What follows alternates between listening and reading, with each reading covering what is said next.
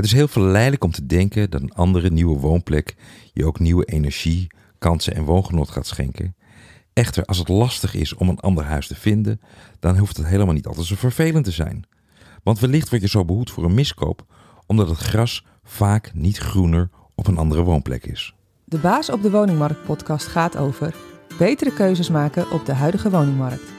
Door niet af te wachten wat er gebeurt, maar juist zelf initiatief te nemen en zo je bestaande of toekomstige woonsituatie positief te beïnvloeden.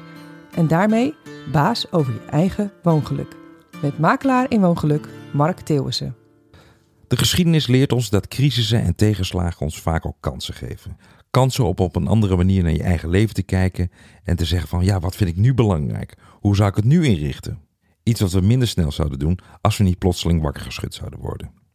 En de geschiedenis leert ons dat het leven nou eenmaal bestaat uit onverwachte gebeurtenissen die een enorme impact op je kunnen hebben, waar jij niet altijd zelf meteen invloed op hebt. En de manier om hiermee leren om te gaan is wellicht om anders te kijken, naar de andere kant van de medaille te kijken. En zo zie je dat er vaak twee invalshoeken zijn voor dezelfde situatie.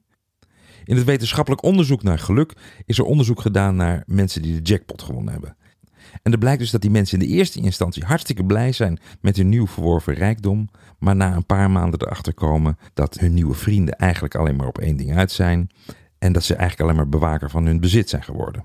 En dan zie je dus dat een situatie als plotseling rijkdom ja, inderdaad wel twee kanten heeft. En zo werkt het ook met tegenslagen. Mensen die plotseling geconfronteerd worden met een tegenslag, bijvoorbeeld het verliezen van een baan. Dat kan in de eerste instantie vreselijk naar zijn. Het gevoel hebben dat je waardeloos bent of waarom word ik zo aan de kant gezet of had ik andere beslissingen moeten nemen.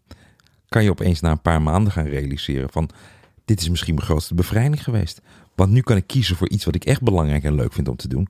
En dat had ik niet gedaan als ik die baan gewoon nog gehouden had. En daarom zie je dat er altijd verschillende manieren zijn om naar dezelfde situatie te kijken. En de manier van kijken, dat bepaal je zelf.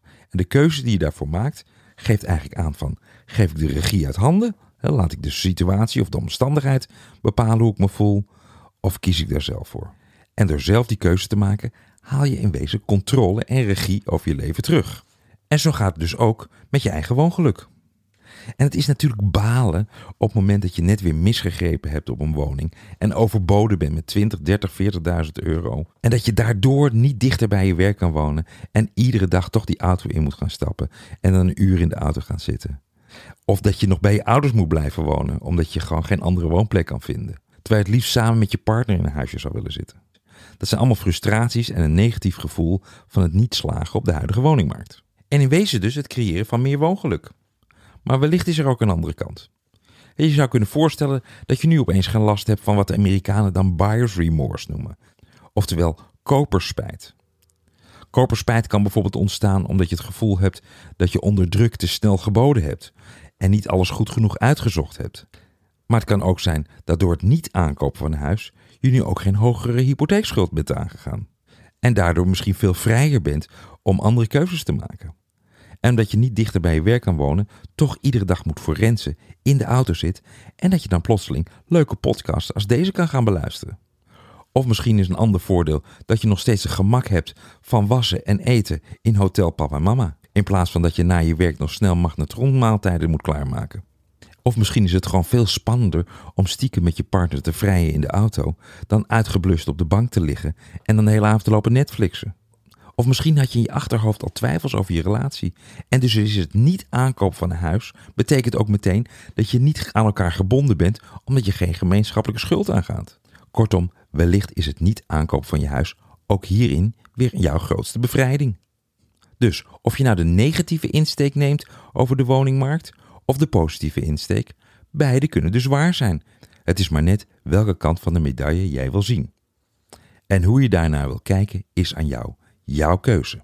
Maar goed, als je dan geaccepteerd hebt dat verhuizen naar een andere plek misschien niet de oplossing op dit moment is, dan kan je kijken wat kan ik dan nu wel doen.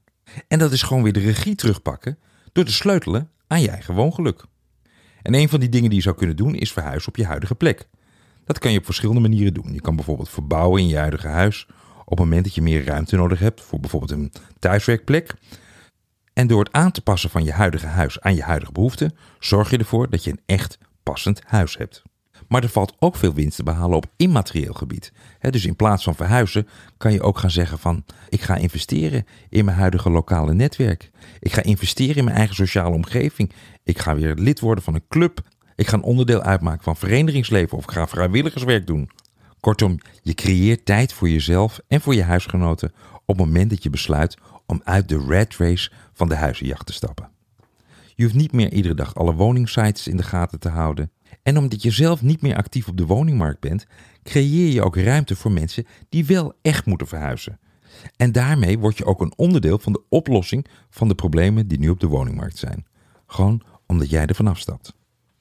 En omdat je extra aandacht besteedt aan het updaten en het upgraden van je eigen huis en je eigen interactie in je eigen woonomgeving, heb je weer de kans om verliefd te worden op de plek waar je nu woont. En daarbij behoed je jezelf er misschien voor om er na verhuizing achter te komen dat het gras ergens anders helemaal niet groener is. En zo sleutel je dus aan je eigen thuisgevoel en kan je baas worden over je eigen woongeluk.